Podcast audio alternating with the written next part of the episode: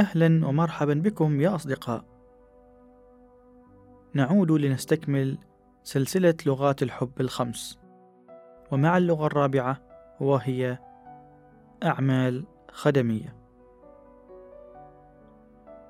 الأعمال الخدمية هي التي يتم تقديمها بدافع الحب، وبشكل حر دون إجبار أو إكراه، وهي كنوع من الهدايا في خدمة الآخر منبعها ومحفزها من الداخل.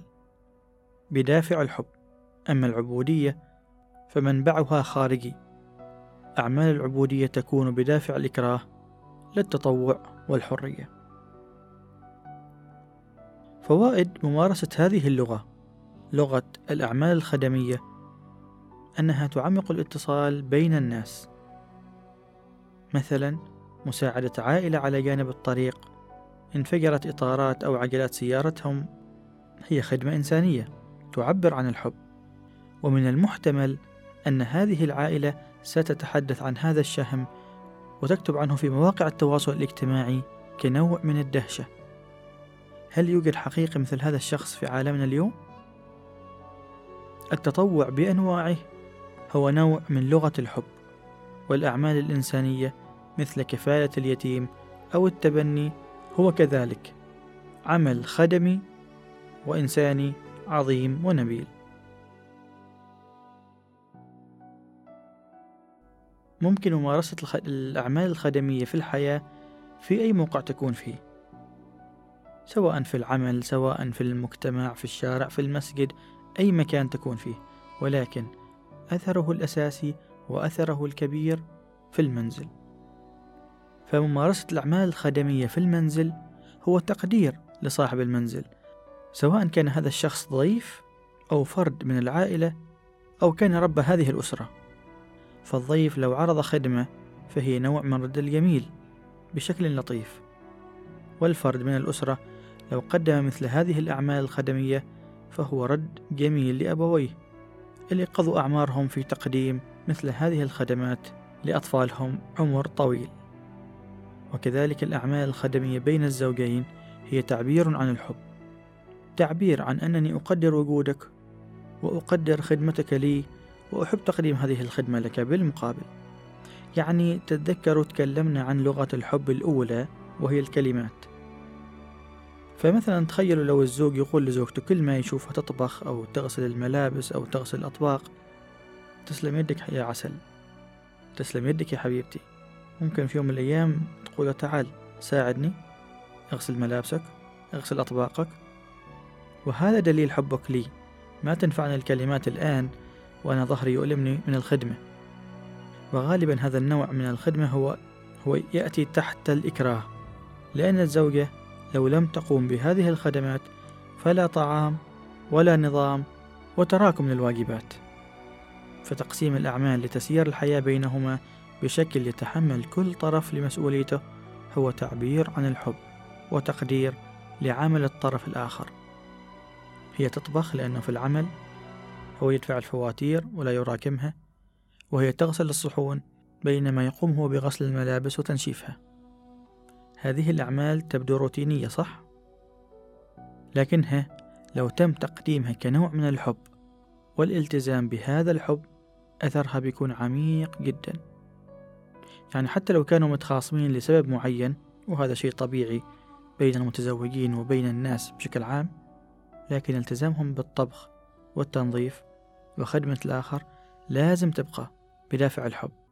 وبدافع أن هذا الحب هو قرار اتخذوه مهما اختلفوا أو تخاصموا يلتزموا فيه. فبسبب هذا الالتزام في أعمال الخدمة بدافع الحب بيتصالحوا بسرعة. وفوائد هذا الالتزام أن الحياة ترتقي بشكل أسهل للطرفين. اليوم هم اثنين متزوجين فقط يعني الأسرة مكونة من شخصين. بكرة يزيد عندهم مولود. والأبوة والأمومة هي أعمال خدمية بدوام كامل. خلاص حياتك صارت لهؤلاء الأبناء. فإما خدمتهم وأنت من أحضرهم للوجود بشكل سيء أو روتيني أو بلا مشاعر فأنت تصنع إنسان ناقص. نعم ناقص.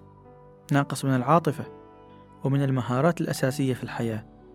وأما أن تقدم له الخدمات بكل الحب فأنت تصنع منه إنسان كامل مليء بالحب وذكي ويتعلم مهارات الحياة.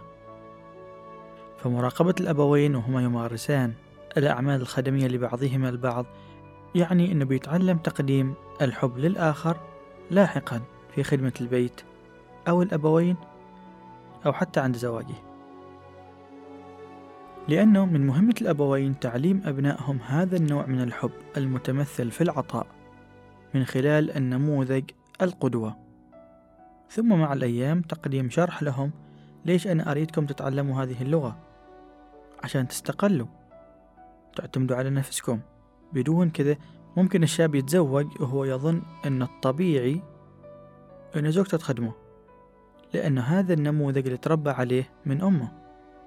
ويتفاجأ بأن الزوجة لا تحب هذا النوع من الخدمة الإجبارية. ثم هي ما كانت تشارك في أعمال البيت فأبوها كان موفر كل شيء فتأتي المشاكل من خلال الخطأ في التوقعات. يظن أن الحياة السابقة هي الحياة. ولكن كانت الحياة السابقة هي حياة اعتمادية. هذا النوع من التربية يعرض الأبناء في المستقبل إلى الاعتمادية والانكسار في حالة البعد عن والديهم. وتعليمهم هذه اللغة وكيفية ممارستها تساعدهم على النضوج والشعور بالمسؤولية والاستقلالية اللي بتساعدهم في حياتهم القادمة عند مغادرة المنزل. وهنا نقطة مهمة. الأبناء متساوين في المسؤوليات. ومن الخطر والخطأ تعليم البنت مثلا خدمة أخيها لأن شاب عيب يشتغل في البيت. وهذا للأسف يحصل في الكثير من البيوت فينشأ الشاب اعتمادي جدا وتنشأ الفتاة مجبرة لخدمته. هذا أمر غير صحي أبدا. الاثنين لهم مسؤوليات متساوية كأبناء ومتشاركة ومختلفة كزوجين. بالتفاهم طبعا. وهم أيضا يكملوا مسير هذه اللغة لأبنائهم من بعدهم. أخيرا ممارستنا لهذه الخدمة بدافع من الحب يقوينا ويقوي علاقاتنا ببعضنا مهما كان نوع هذه العلاقة كالصداقة والأخوة أو الزواج.